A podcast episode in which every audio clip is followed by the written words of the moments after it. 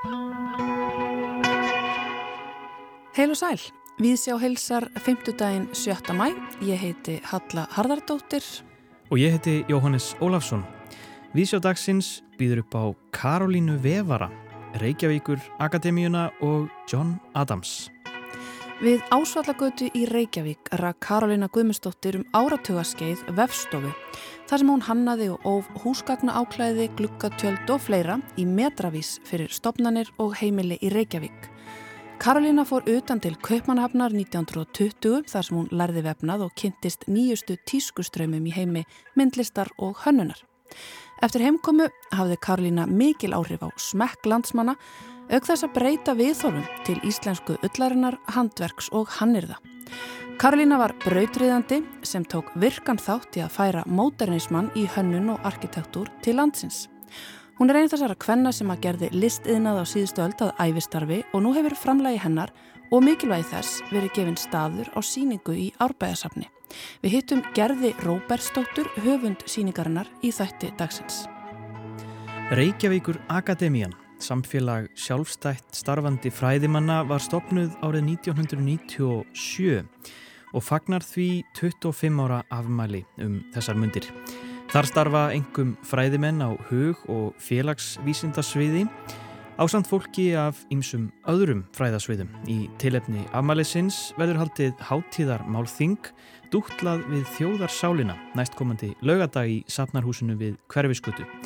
Formaður Reykjavíkur Akademíunar, Ingun Ástísadóttir og Lilja Hjartardóttir, formaður afmælis nefndar, líta til okkar hér á eftir og segja okkur frá. Og það eru spennandi tónleikar í kvöld hjá Sinfoníuljómsveit Íslands. Þeir verða jafnframt í beitni útsendingu hér á rás 1 og hefst uppbytun klukkan 7.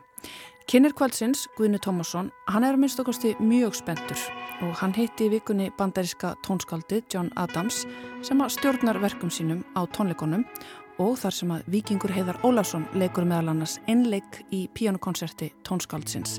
Við heyrum brotur viðtali Guðna við tónskaldið í þætti dagsins. Já, mjög spennandi dagskrá. En við byrjum á því að taka múti góðum gestum.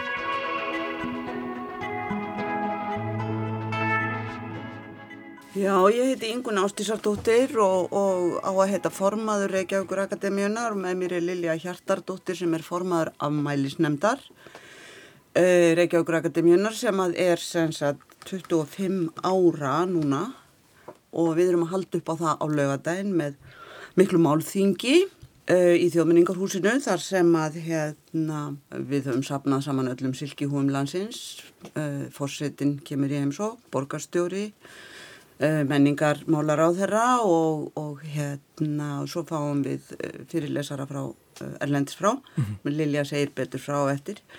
Reykjavíkur Akademían er sem sagt samfélags sjálfstætt starfandi fræðimanna sem uh, sett var á lagirnar uh, 1997 vegna þess að það vantaði aðstöðu fyrir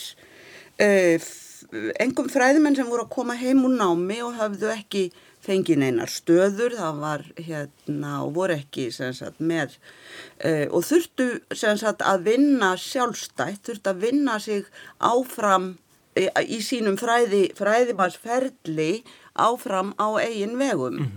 og, og hérna það er að sumuleiti ágætt að sitja við eldhúsborðið eða í Svernberginu heimaðu sér en það er eh, ekkert sérstaklega vinnukvetjandi ja. og hérna þarna sem sagt komu saman nokkrir eh, frumkvöðlar, nýdoktorar sérstaklega og fengu, sem sagt, já, höfðu þessa hugmynd að búa til svona samfélag sem að tóst svona gríðarlega vel að, að sko þeir voru hrættir um því í byrjun. Þeir fengu húsnæði í Jóðellhúsinu fyrir velvilja ráðamanna þau sem að, þarna hafði sjávar út þessu aðneti verið og, og nú stóð þarna heil hæð auð.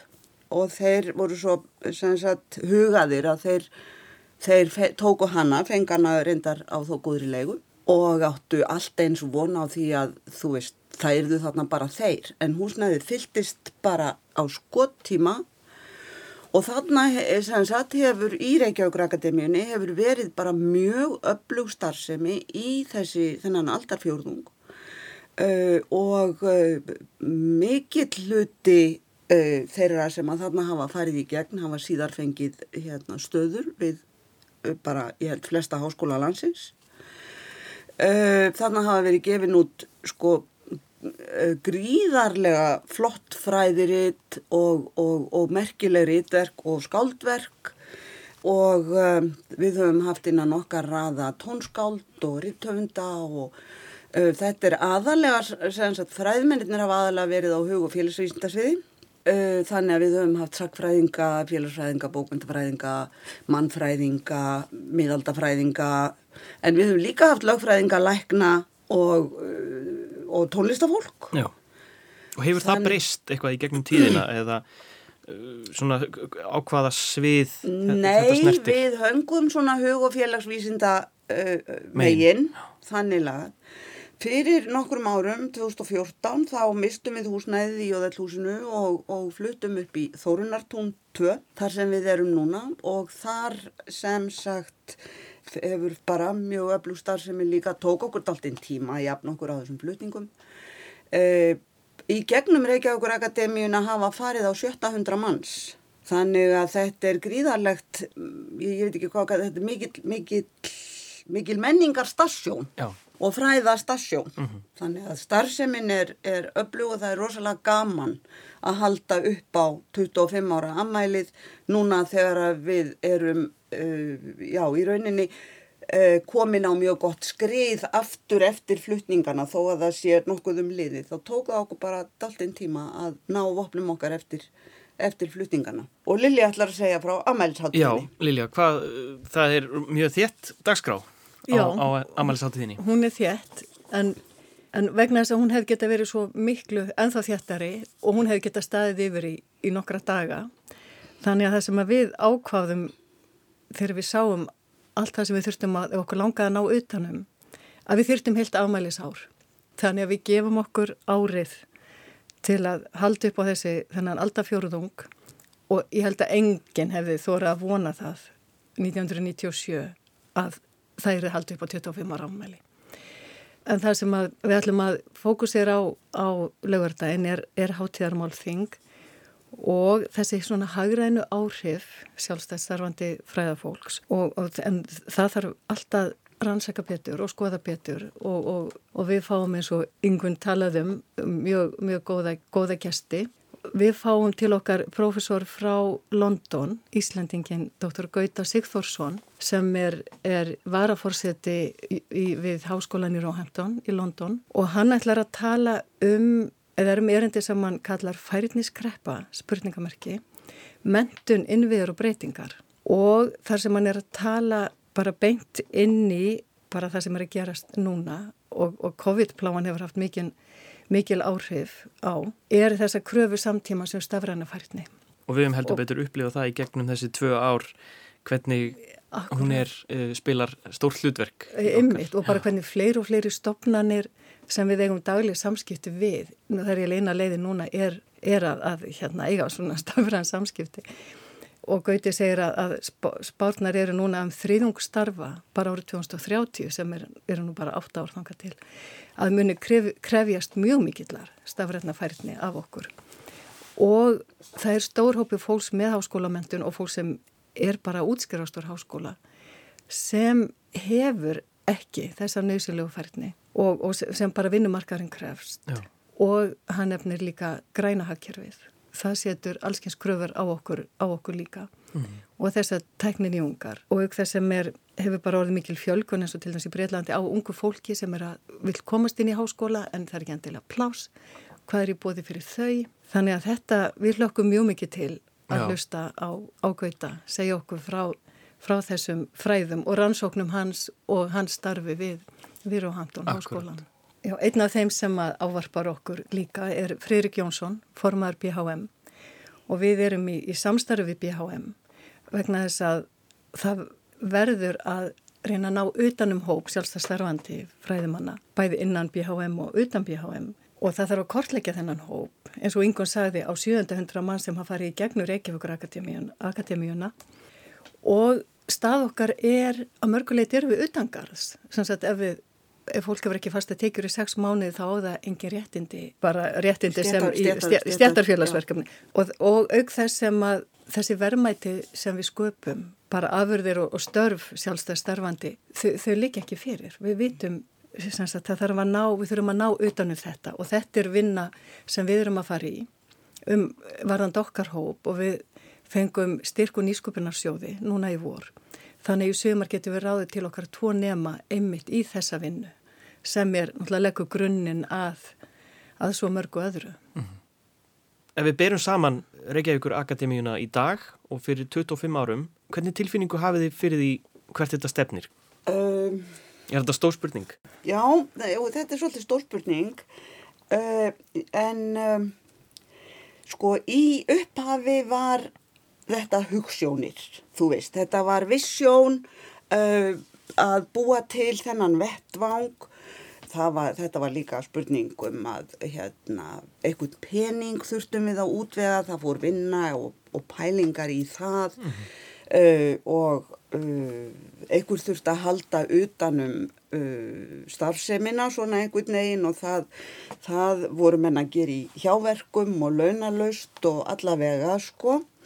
Uh, við erum að endur nýja samstarf við aðrar mentastofnanir, háskólana og, og, og hérna og svona einhvern veginn líka orðin þetta gömul, orðin þetta rótgróin, búin að halda svona mikið af rosalega flottum málþingum, ráðstefnum, uh, horfa á sko stórar og miklar bækur og fræðiritt skrifað innan okkar vekja.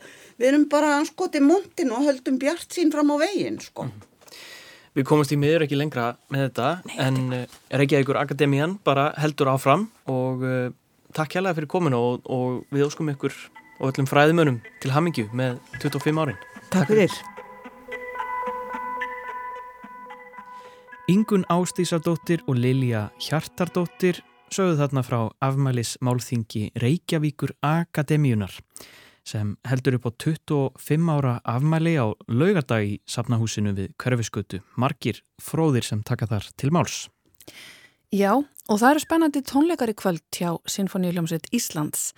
Þeir verða í beitnu útsendingu hér á rás 1 og kynir kvöldsins, Guðnur Dómasson, hann er mjög spenntur fyrir tónleikonum og hann hitti í vikunni bandariska tónskaldið John Adams sem að stjórnar verkun sínum á þessum tónleikum og þar sem að vikingur Heðar Ólafsson mun leika einleik í pianokonserti tónskaldsins.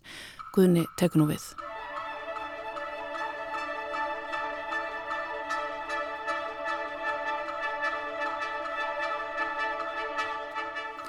Það eru heldur betur forvitnilegir tónleikar hjá Sinfoníu hljómsveit Íslands í kvöld ágættur hlustendur. Hefjast klukkan 19.30 að vana en hálf tíma fyrr þá heldum við á leiði í tónleikasal hér ára á seitt og ræðum þar ítanlega við erlendan gest sem komin er í heimsótt til hljómsveitarinnar bandaríska tónskáldið John Adams sem er eitt virtasta tónskáld bandaríkana og veraldarinnar allra reyf úti það er farið. Braudreðjandi í þeirri grein samtíma tónlistarinnar sem kölluð er naumhyggja eða minimalismi og farið hefur mest fyrir í bandaríkjónum. Tónverk Adams eru af flestum stærðum og gerðum á verkaskráni hans. Hann hefur samið viðamiklar óperur sem að vakið hafa mikla aðtegli og eru oftar en ekki byggðar á sögulegum atbyrðum. Nefnum á óperuna Nixon in China um ferð samnefnds bandaríkjafórseta til Kína og Dr. Atomic sem að fjallar um Robert Oppenheimer og þróun kjarnorkusprenginar á sínum tíma. Adams er hlaðin velunum, hann hefur fimm sinum hlotið Grammy-velun og hann er líka hlaðin heiðustótt og snabbótum því að sex háskólar hafa veitt honum slíka í gegnum tíðina. Efniskráin á tónleikum kvöldsins er einungis tilenguð verkum Johns Adams. Tónleikarnir hefjast á einu þekktasta hljómsættaverki hans Short Ride in a Fast Machine sem var innblásið af bílferð í sportbíl sem húnum var eitt sinn bóðið í. Hann var vist bílrættur mjög en þetta er mikil þeysi reið stuttverk på fjóra mínútur. Síðan leikur Víkingur Heiðar Ólafsson sem er staðalistamæður hjá Sinfoníu hljómsveit Íslands einleik í nýlegum konserti Adams. Verkið heitir Must the Devil Have All the Good Tunes. Þarf skrattin endilega eiga öll bestu lögin. Þetta er setning sem oft er eignuð síðbótar manninum Martini Lúter. Eftir hlið á tónleikunum hljómar síðan eitt af kjarnaverkum Adams Harmony Lere frá árunu 1985 sem er stórt í sniðum og grefst stórar hljómsveitar. Það er talið leikilverk í sögubandarísks minimalisma. En John Adams er sem sagt komin í fyrsta sinn til Íslands. Það verður rætt við að nánar í kvöld klukkan 19 en við skulum grýpa aðeins niður í spjallokkar þar sem við vorum að ræða uppbruna Adams. Hann er fættur í Massachusetts fylki og fór snemma að veltaði fyrir sér að fara að semja tónlist. Hann var ekki náma 10 ára þegar hún dætt það í hug. John, very nice to meet you. Welcome to Iceland. Thank you. It's a wonderful, wonderful pleasure to be in this amazing country. I'm only regret the fact I haven't been here before. Now you have a long and fruitful career in music, uh, starting off as, as an adolescent almost, uh, composing your first work at the age of 10. Were you a very, very serious child? I, I think uh, probably I was. I, I, grew up in a very small uh, rural uh, village, and um, uh, although I had you know friends that I, I played with. Uh, I had a very a very rich and complicated fantasy life. Um, when I was 10 years old, um, our our teacher read us uh, us children a, a, a, children's biography of Mozart, and most of the kids were completely bored by it, but I was absolutely obsessed. I was transfixed by this idea of a, a young boy that could compose. And so I, I started trying to compose. John Adams fekk snemma þá flugu í höfuðið að verða tónskátt því spyrja hann hvort að hann hafi verið mjög alvöru gefið barn. Hann segir að svo hafi líklega verið. Hann ólst upp í smábænum Worcester í Massachusetts og kennarinn hans kynnti hann og bekkjafélagana eitt sinn fyrir uppvexti undrabatsins Mozarts og meðan flestir bekkjafélagana höfðu takmarkaðan áhuga á þessari æsku sögu austuríska tónskálsins var John Little algjörlega berg nömin. Ímyndunar litla snáðans var mikill og hann var heitlaður af því að barnið Mozart hafi bara getað orðið tónskáld. Ég fór að reyna að semja, segir Adams, alveg á þess að vita eittni neitt um hljómfræði en ég hafði klarnetti mitt sem ég var að læra á á þessum árum. Fóreldrari mínir voru ræktarsamir og þeim tókst einhvern veginn að halda þessum áhuga á lífi og finna mér farveg í námi. Og leiðin í náminu lág áfram veginn, tónsmíðanámið stundaði John Adams síðar í sjálfum Harvard Háskóla í Boston og var þar á heldur betur áhugaverðum tíma. Well, I was at Harvard uh, during a very, very uh, turbulent time. Uh, I was there during the Vietnam War and also during the era of uh, the free speech movement, uh, psychedelic drugs, the Beatles, um, and uh, all of the explosion of wonderful rock music. And uh, my very last year as an undergraduate, the, the students um, took over uh, the administration building. Uh, the, the anger about the Vietnam War was so profound Ég var í Harvard í miðju Vietnamstríðin. Þetta voru ólgu tímar. Stúdetarnir voru með uppsteitt og tóku jáfnvel yfir byggingar skólans. Þetta voru ár býtlana og ólöflöra vitundarvíkandi efna. Það var alls konar frábær rocktónlist í loftunum en þetta var kannski aldrei klófið hjá mér því að í skólanum á daginn var ég í tónsmíðatímum að hlusta á tónverk mótinista og borðið Webern og Sjönberg en á kvöldin var ég heima að hlusta á býtlana, Jimi Hendrix og John Coltrane. Yeah, I mean, it was it was a very uh, uh, what, what, did we say? Um, uh, a, a cognitive dissonance was what I was feeling, and and uh, finally, I just decided I had to get away from uh, academia and colleges, and um, I had been reading. Uh, the Beatniks, Allen Ginsberg and Jack Kerouac, and Henry Miller, and California seemed like a very romantic place. So I drove out to uh, San Francisco, 1971. I thought maybe I'd be there for no more than six months, and uh, what was it? 50 years later, I'm still living in California. Og fyrir rest ákvað ég að ég þyrti að komast burt frá akademíunni. Ég var að lesa beat tónskáldin bandarísku, Alan Ginsberg og Jack Kerouac og Kalifornia virkaði eins og réttur staður, dáliti romantískur. Og til San Francisco fór ég árið 1971, held ég erinn þar í mestalegi hálft ár en ég verið þar síðan í einn 50 ár. En það var á þessum árum sem John Adams fjarlæðist módernismann í tónsmíðum, forskrifti manna á borðið franska tónskáldi Pír Búles til að mynda og fór að leita eigin leiða í músikinni. Þetta var hansi erfitt, segir hann. It was, it was very difficult um, and I suffered a great deal of, I would say, emotional stress because the uh, European modernists had enormous prestige. Uh, Boulez was, you know, amongst, you know, composers, you know, he was just kind of a, a terrifying figure because he was uh, so powerful. You know, he was conducting the New York Philharmonic and he was writing all these articles and giving interviews about how useless any other kind of music except his was. Um, and I didn't want to write that kind of music. I didn't want to write serial music. Um, so I rebelled first by embracing John Cage, um, who, at least as a person, was, you know, very uh, amicable, very uh, open. Já, þetta voru snúin ár, ég verð að segja það. Og fyrir mér fylgdi þessu daldið mikið tilfinningalegt umrót.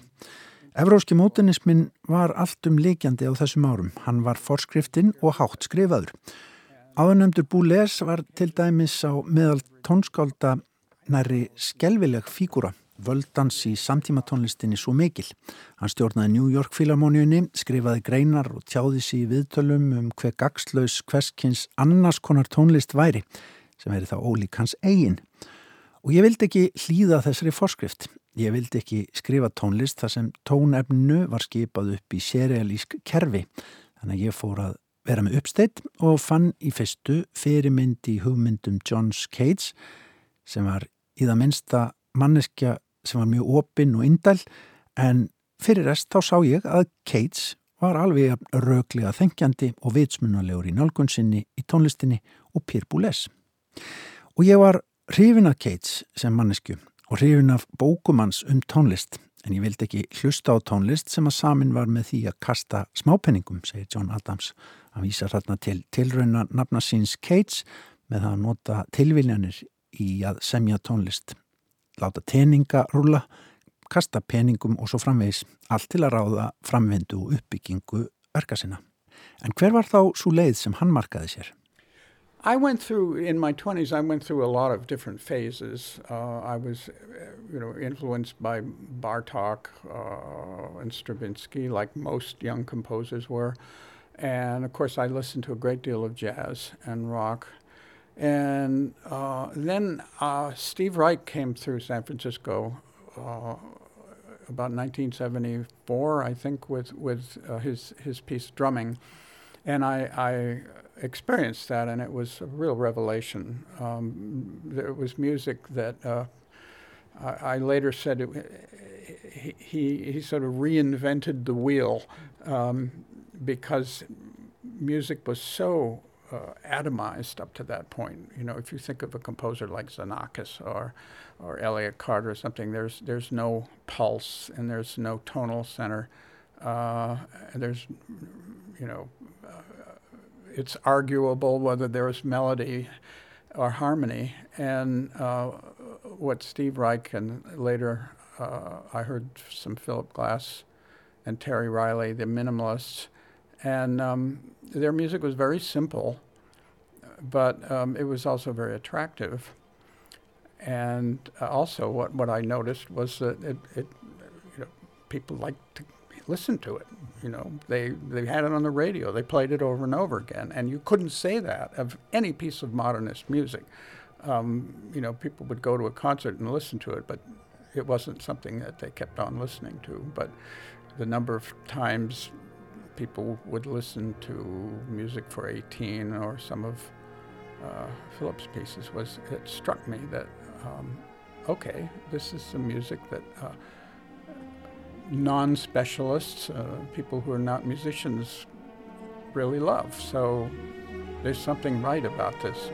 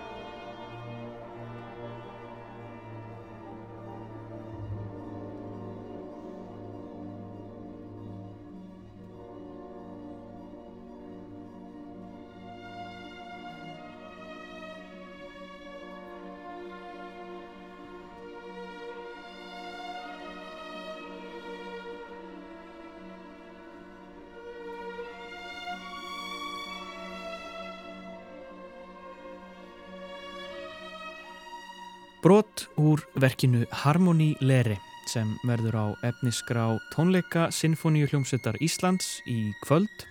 Þarna fengum við brot úr ítarlegu viðtali Guðina Tómassonar við tónskáldið og stjórnandan John Adams en nánar verður rætt við hann fyrir tónleika kvöldsins hér á Ráseitt. Þessi uppbytun hefst klukkan 19.00 og bein útsending úr Eldborg hálftíma síðar.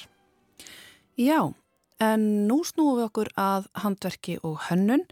Borgin eru auðvitað stútfull af slíku þessa dagana, áhugaverðir viðburðir á hönnunamars í hverju hortni og við höfum nú þegar litið í nokkur þeirra hér í Vísjá.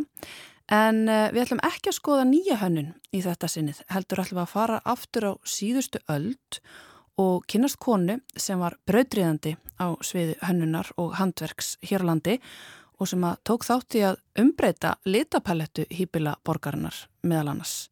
Karolína Guðmundsdóttir fór utan til kaupmunafnar að læra vefnað og rak svo vefstóðu við ásalagutti Reykjavík þar sem hún óvá nýstarlegan hátt húsgagna áklæði, klukkatjöld og fleira fyrir stopnanir og heimili. Það stendur yfir síning á verkum Karolínu í árbæðasafni um þessa myndir og ég held ángað í vikunni og hitti konuna á bakveðsýninguna, gerði Róbersdóttur og baði hann um að segja mig frá þessum merka brautriðanda. Hver var Karolína Guðmundsdóttir?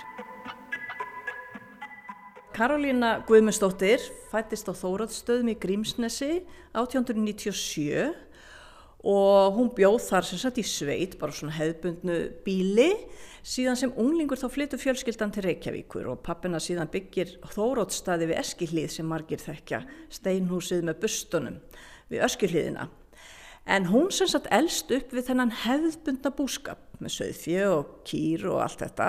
Þannig að hún kynnist þessu öllarvinnslu ferli öllu saman, alveg frá blötu barsbeini. Það sem sagt að vinna öllina uh, og, og allt þetta og, og spinna og, og síðan að gera eitthvað úr bandinu, prjóna og vefa. Þannig að þetta elst hún upp við en hann langaði óskaplega til að læra meira svona fítni hannirðir, hún hafi gaman að því sauma út, fannst alveg rosalega skemmtilegt sem krakki og unglingur, þannig að þegar hún er ungstúlka þá sækir hún um styrk til að komast til Danmerkur í á Hannirðanám og hún fær nú ekki fullan styrk en hún fær svona halvan styrk þannig að hún fer út og fer á námskeið hjá félagi, dansku listiðinaða félagi og er þar á svona sumanámskeið og þar lærir hún svona kvítsöym og ímislegt svona fallegt, fallegt handverk en þar kynnist hún vefstólnum og svolítið nýri hugsunni kringum vefnaðin og hún heitlaðist algjörlega að þessu verkfæri mm -hmm. og að þessu möguleikum og í þessu nýja samhengi sem hún sá út í Danmerku. Þannig að hún skráir sig á framhaldsnámskeið eða svona annað vefnaðnámskeið hjá þessu sama listiðinað félagi í Kaupmannhöfn en þar var hún ekki alveg nú ánað henni fannst hún ekki læra nú mikið og þetta var svona eitthvað, já, hann er hún svona var að hugsa um hvað get ég nú, af því hún hafði mikið metnað og sá að þetta var eitthvað bara já, hún vildi sér satt gera betur læra meira og gera betur. Þannig að hún fréttir af því að í kaupnöfn var kona sem rak vefstofu sem hétt Jóhanna Síkumfeld mjög umtölu kona og svona áberandi í þessum handiðnaðarheimi listiðnaðarheimi Hún átti, sem sagt, var í, í, í félagskap með arkitektum og hönnuðum sem voru svona svolítið að með nýsköpun og voru svona endur nýja vefnað og handverk í Danmörku vegna þess að á þessum tíma, á þessum spennandi tímum 1920 þetta, þá, þá, þá er þetta samstuð, það er handverkið og svo er það vélarnar. Og vélarnar voru voru mikið að taka við allir í framleiðslu á svona vefnaði, fataefni og allir þessu. Og þarna verður svona ákveði svona stuð á milli mm -hmm og ýmsir hópar sem höfðu áhuga handverki eh, rýsa upp og sjá fram á það. Og við verðum að bjarga handverkinu það má ekki degja út, við þurfum að halda því við og við þurfum kannski svolítið að nútíma væða það. Mm. og þessi hópur sem Jóhanna Síkumfeld tók virkan þátt í hann var í því að nútíma væða vefnað. Þannig að Þannig að Karolina kemur hérna út til kaupinafnar, finnur sína hillu Algjörlega. og svona fer, gengur beint inn í þessa stemningu þar sem er verið að framústefnan er eiginlega að taka við og það er verið að nútíma væða allt og þannig hún svona kemur alveg, þetta er rétt kona rétt um mm. stað. Algjörlega, hún fær þetta bara beint í æð. Og hún bankar upp hjá Jóhannu Síkumfeld en þá var hún ekkert pláslaust til að byrja með. En svo fréttir hún að einn hefði gefist upp því að Jóhanna Síkumfeld var mjög kröfuhörð við sína starfs, starfsmenn. Þannig að ef þú stóðst ekki nógu vel þá varst bara látið fara eða fólk bara gafst upp. Þannig að Karolina fór aftur og bankaði bara aftur hjá Jóhannu. Og já, heyrðu, það löst pláss hér, gjör svo vel, þú ætti að byrja. Og hérna þannig að það, hún var þarna í tvö ár og þetta var hennar skóli í vefnaði. Þarna fjekk hún beint í æð nýjustu ströyma og stefnur ekki bara í Danmörku heldur bara í Evrópu því að auðvitað talaði fólk saman og hittist og bar saman bækur og svíjarnir voru að gera þetta og þjóðverðarnir þetta og, og, og svo brettarnir og allt þetta sem við þekkjum svo vel uh, hérna í, í Bretlandi. Þannig að hérna þá var mikil gerjun mm -hmm. í handverki mm -hmm. og miklar hugmyndir en það sem Danir þeir, þeirra sérstaða var það að þeir fór, fór svolítið alla leið í að nútíma væða. Þeir voru ekki bara að taka þetta gamla og endur vekja það sem þau munstur sem höfðu verið notuð, heldur breyttuðu munsturum. Komi nýja liti og nýja samsetningar og, og sem sagt voru í takt við módernisman í hönnun og arkitektur og, mm. og, og þessir vefarar sem voru í þessari bylgu mm -hmm. að þeir unnu mikið með þessum nýju arkitektur módernismans mm -hmm. og þetta var allt svona í takt þannig að þessi hönnun, þessi fræga danska hönnun, það er ekki bara sem, eitthvað sem var að gerast í gær, heldur er þetta bara öll 20. öldin var bara -hmm. hönnunar bomba í Danmörku Þetta er bara rótgróð í þeirra menningu Algjörlega og svona við erum að læra þetta en við að læra, já, já.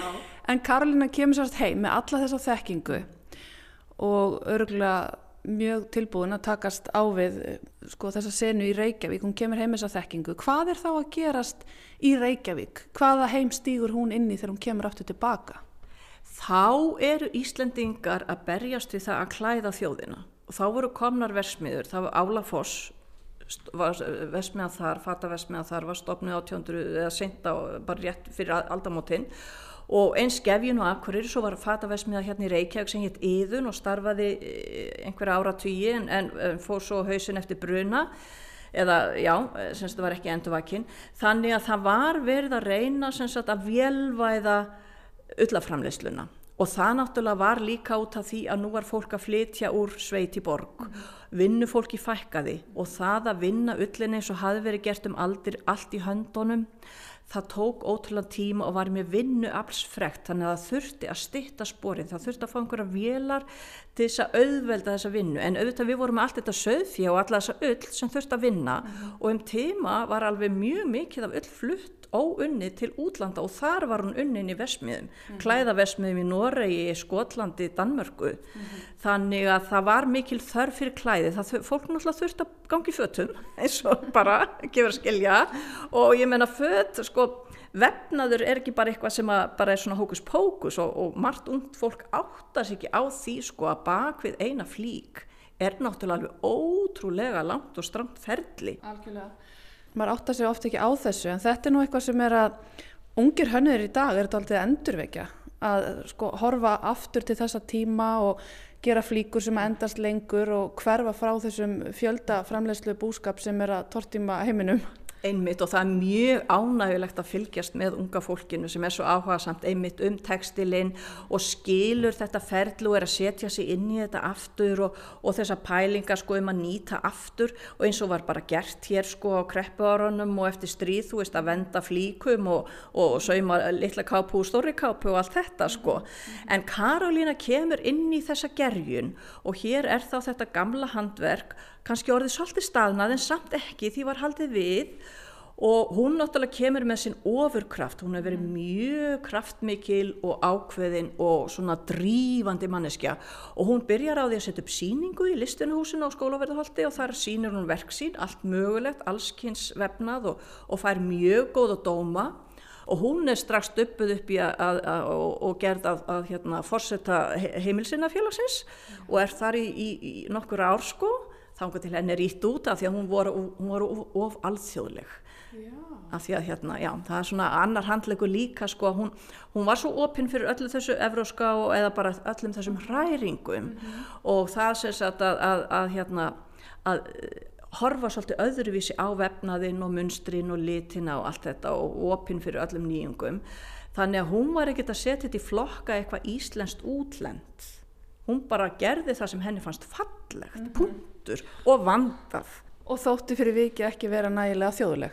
Ekki sko þegar farið var að undibúa alþingsháttíðina 1930 þá varð allt að vera mjög þjóðlegt því þar var íslenska þjóðin að sína fram á það að við erum sjálfstað þjóð með okkar menning og okkar menningararf og við getum þetta vel sjálf. Já. Já.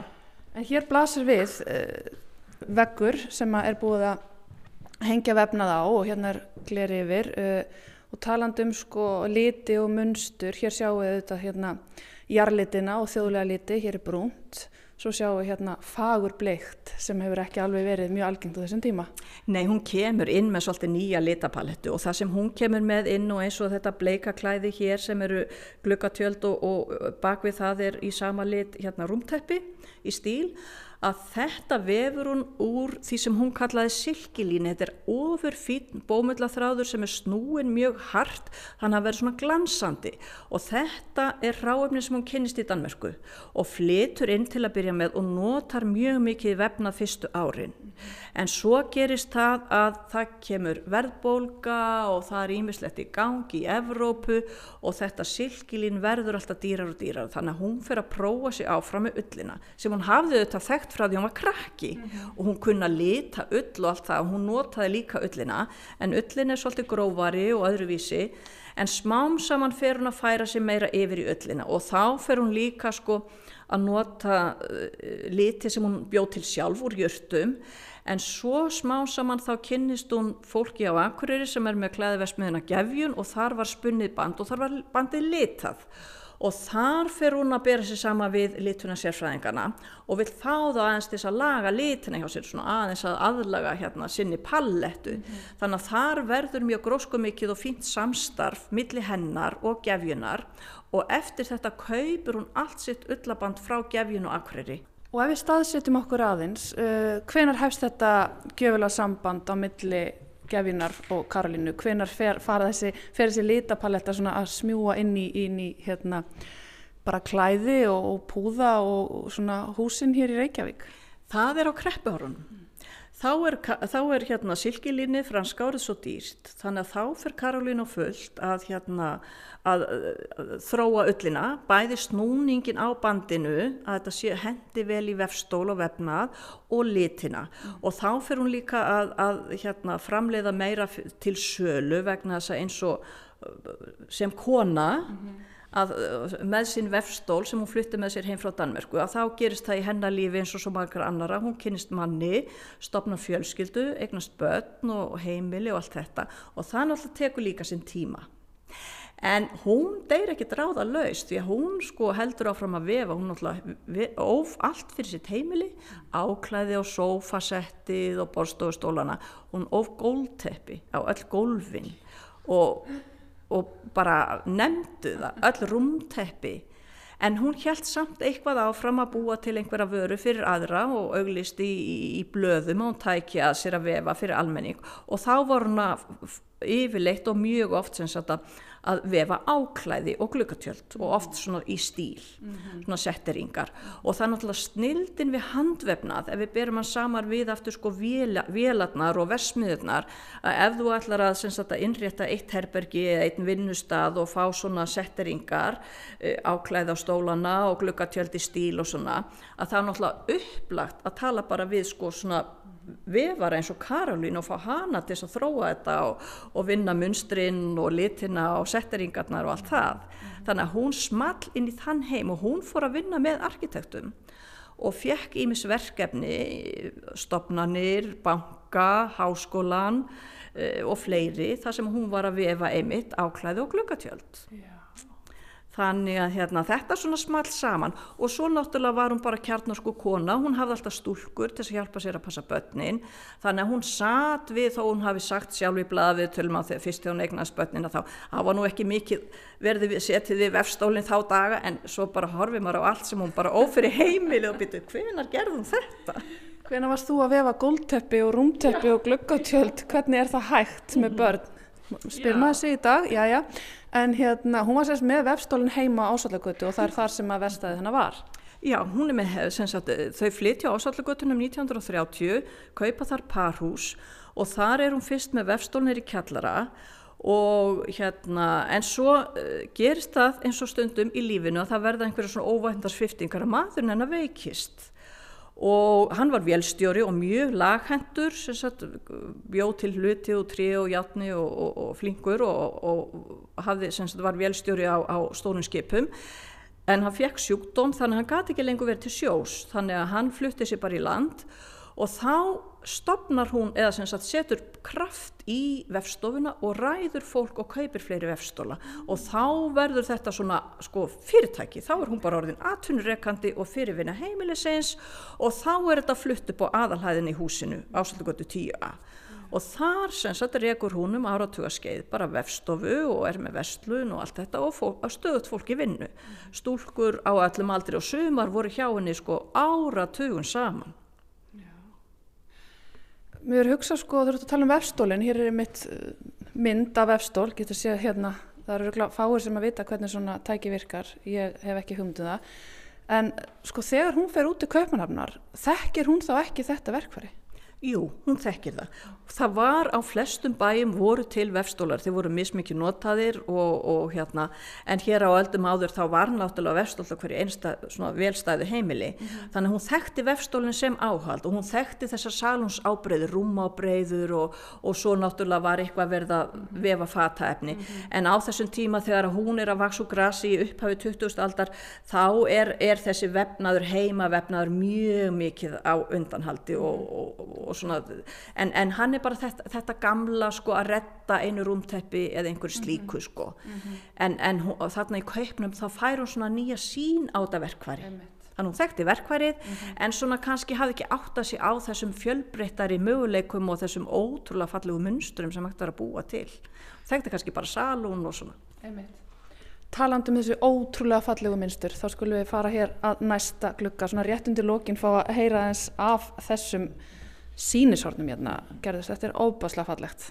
Þetta er alveg óbærslega fallegt. Ég samvala því. Og þetta er eiginlega það sem að kom þessari síningu eða allir þessari vinnu, þessari forvinnu afstað, það voru þessi spjöld sem við áttum út í geimslu, út í textilgeimslu í Árbæðasafni, þá áttum við tvo kassa með þessum dásanlega fallegu spjöldum eða þessum dásanlega fallegu munstrum eða sínisofnum og þetta lætur Karolína prenta þessi spjöld, lætur hún prenta 1922 og þá er hún bara, sem sagt, og jafnvel hefur þetta verið gert bara þegar hún var í Danmörku eða svona, já, þetta er svona á þessum skilum þegar hún er að fara að koma heim. Og hún hefur látið prenta alveg gríðarlega mikið magna þessu. Og þarna býr hún til sínisotn af allskynns vefnaði. Og þú sérð bara hvað þetta er fjölbreytt, það bæði grófa öllin eins og þetta hérna brúna grófa sem gæti bara verið góldteppi mm. þess vegna eða, eða dreigið eða eitthvað slíkt. Og svo þessi ofur fínu silkilíns áklæðisefni sem er alveg ótrúlega fínleg og falleg. Og ég sá þetta fyrst þegar ég tók við munnasafninu 2005 þá fór ég að skoða í geimsluna hvað er til, hvað eigum við og hvað er hægt að gera úr þessu og hvað ber að varðveita og allt þetta. Og þá var þetta og það stóð bara utan á nokkrum kassum upp í hillu Karolina Guðmundsdóttir spurningamerki. Og ég ok, já býtu nú við. Og svo fór ég á grúska og býtu hver var þessi Karolina og bara og ég, af því ég hafði farið á námskið í vefnaði hjá heimilsinnafélaginu þegar ég var unglingur. Mér fannst þetta sko og, og, og svo sá ég þetta og ég bara það fyrsta sem kom upp í kollin er hægt að vefa svona í höndun svona ofsalega fínt sko. Ég vissu þetta um salúnið og allt þetta og hafði ofið svona eitthvað gróft og tuskumáttur og eitthvað svona en þetta var bara einhver svona bara mér þetta bara eins og bara já, bara einhver, einhver dýrð bara dásend Þannig að ég var í nokkur á svona veltaði fyrir mig hvað á ég að gera við Karolínu? Og svo fór að googla hana og það var ekki mikið búið að skrifa um hana. Og nokkur viðtöl í blöðunum og einn grein sem Hólfur Árnóttóttir skrifaði mjög góð. Og í ásriti heimilsina félagsins og eitthvað svona. En þú veist, akkur ekki búið að skrifa meira um þessa konu og hvaða bautu, þetta er einhver snillingur. Þannig ég fer svona eitthvað að, að spekulera og ræði þessu saman og finna alla kassana og skoða í alla kassana og þar voru sínisotn og þar voru sér hérna, heilu strá, efnistrangar og ég bara váheyrðu þetta er gós, þetta er bara, þetta eru dýrmæti, þetta er bara, það þarf að gera eitthvað úr þessu. Og svo verður alltaf að segja fólk, heyrðu, og þegar ég hitt eitthvað handafinu fólk eða eitthvað svona, það þarf að gera eitthvað við þetta, hana, hana, efni eftir hérna Karolínu og það er einhver að koma að rannsaka þetta, það er einhver að koma að skrifa um þetta, jújú, jú, já þetta voru svo, svo flott og svona, en svo gerðist gerðist ekkert. Þannig endanum sagði ég bara ok, ég vil bara gera þetta sjálf. Þannig að ég fór að skrá eins og Karolína. eins og Karolína. Þannig ég bara gera þetta sjálf. Og ég hérna sótt um styrk og fekk styrk þannig ég gæti ráði fólk til að hjálpa mér að skrá og taka myndir og svo komst ég gegnum heimilsinnafélagi sem er samstarfsaðili að þessari síningu að hérna konu sem heitir Guðrún Kolbeins og er textilkona mikil og merkileg og hún fór á bólakap í að greina þessi munstur. Og hún á heiðurinn að þessum útskýringum. Og hún og það sem að við settum spurningi sem við lögðum fyrir Guðrúnu þegar við hittumst fyrst og fórum að skoða þetta og hún sá strax þetta var flott og eitthvað. Alvöru, alvöru efni. Að ég sagði við hana Guðrún getur við fundið eitthvað sem að gerir Karolínu meira en ofur flinka og vanda handerskonu er eitthvað svona Eh, svona eitthvað, eitthvað svona listrætt þráður eða eitthvað annað bara en hún hafði gott auga fyrir litum og var smekkleg og vönduð mm. handurskona mm. og svo eftir miklar pælingar hjá Guðrúnu og mikla yfirlegu þar sem hún fór nákvæmlega bara taldið þráð fyrir þráð og allt þetta og fór í heimildir og sá hvað var verið að gera í Danmörku á þessum tíma mm. að þá sá hún, jú það er hægt að segja það að það er til svona Karolínu tvist sem við kallum Karolina tók munstur bæði það sem Jóhanna Síkufeld var að útfæra og hún breytti þeim aðeins. Hún gerði svona bætti við, eitthvað svona smá auka, eitthvað ekstra sem er ekki annar staðar. Þannig að það er hægt að tala um svona Karolínu tvist já, já, já. hjá henni. Svona hennar sérstakka handbrað einmitt og sín. Já. Já.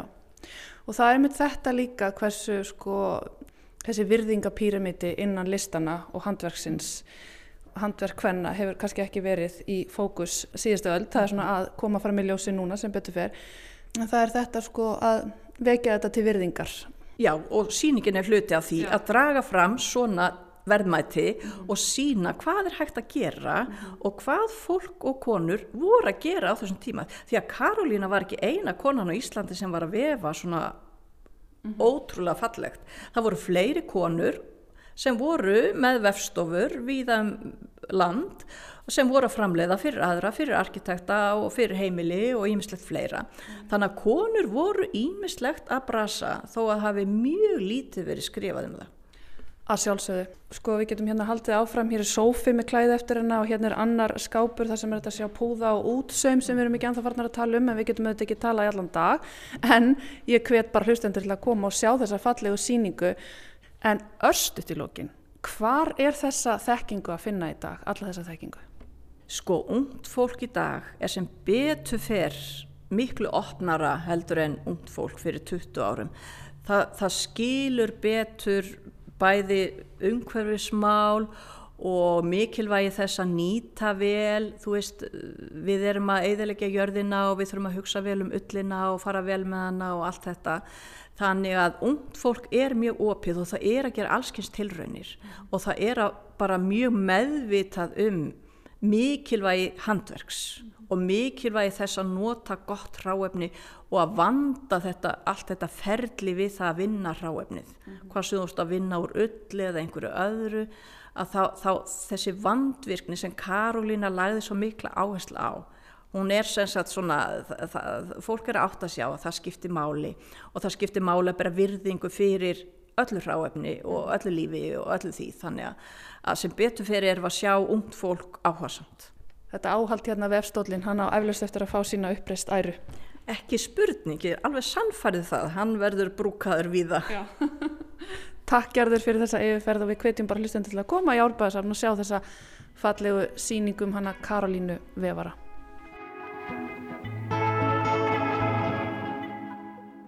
Já, og hér í Árbæjasafni ljúkum við Víðsjá dagsins og reyndar þessa vikuna. Þátturinn er alltaf aðgengilegur í rúfspilara og í hlaðvarpsveitum og úrval úr þættinum verður á sunnudag klukkan 14. Við þökkum fyrir okkur þessa vikuna. Takk fyrir samfélgina og veriði sæl. Veriði sæl.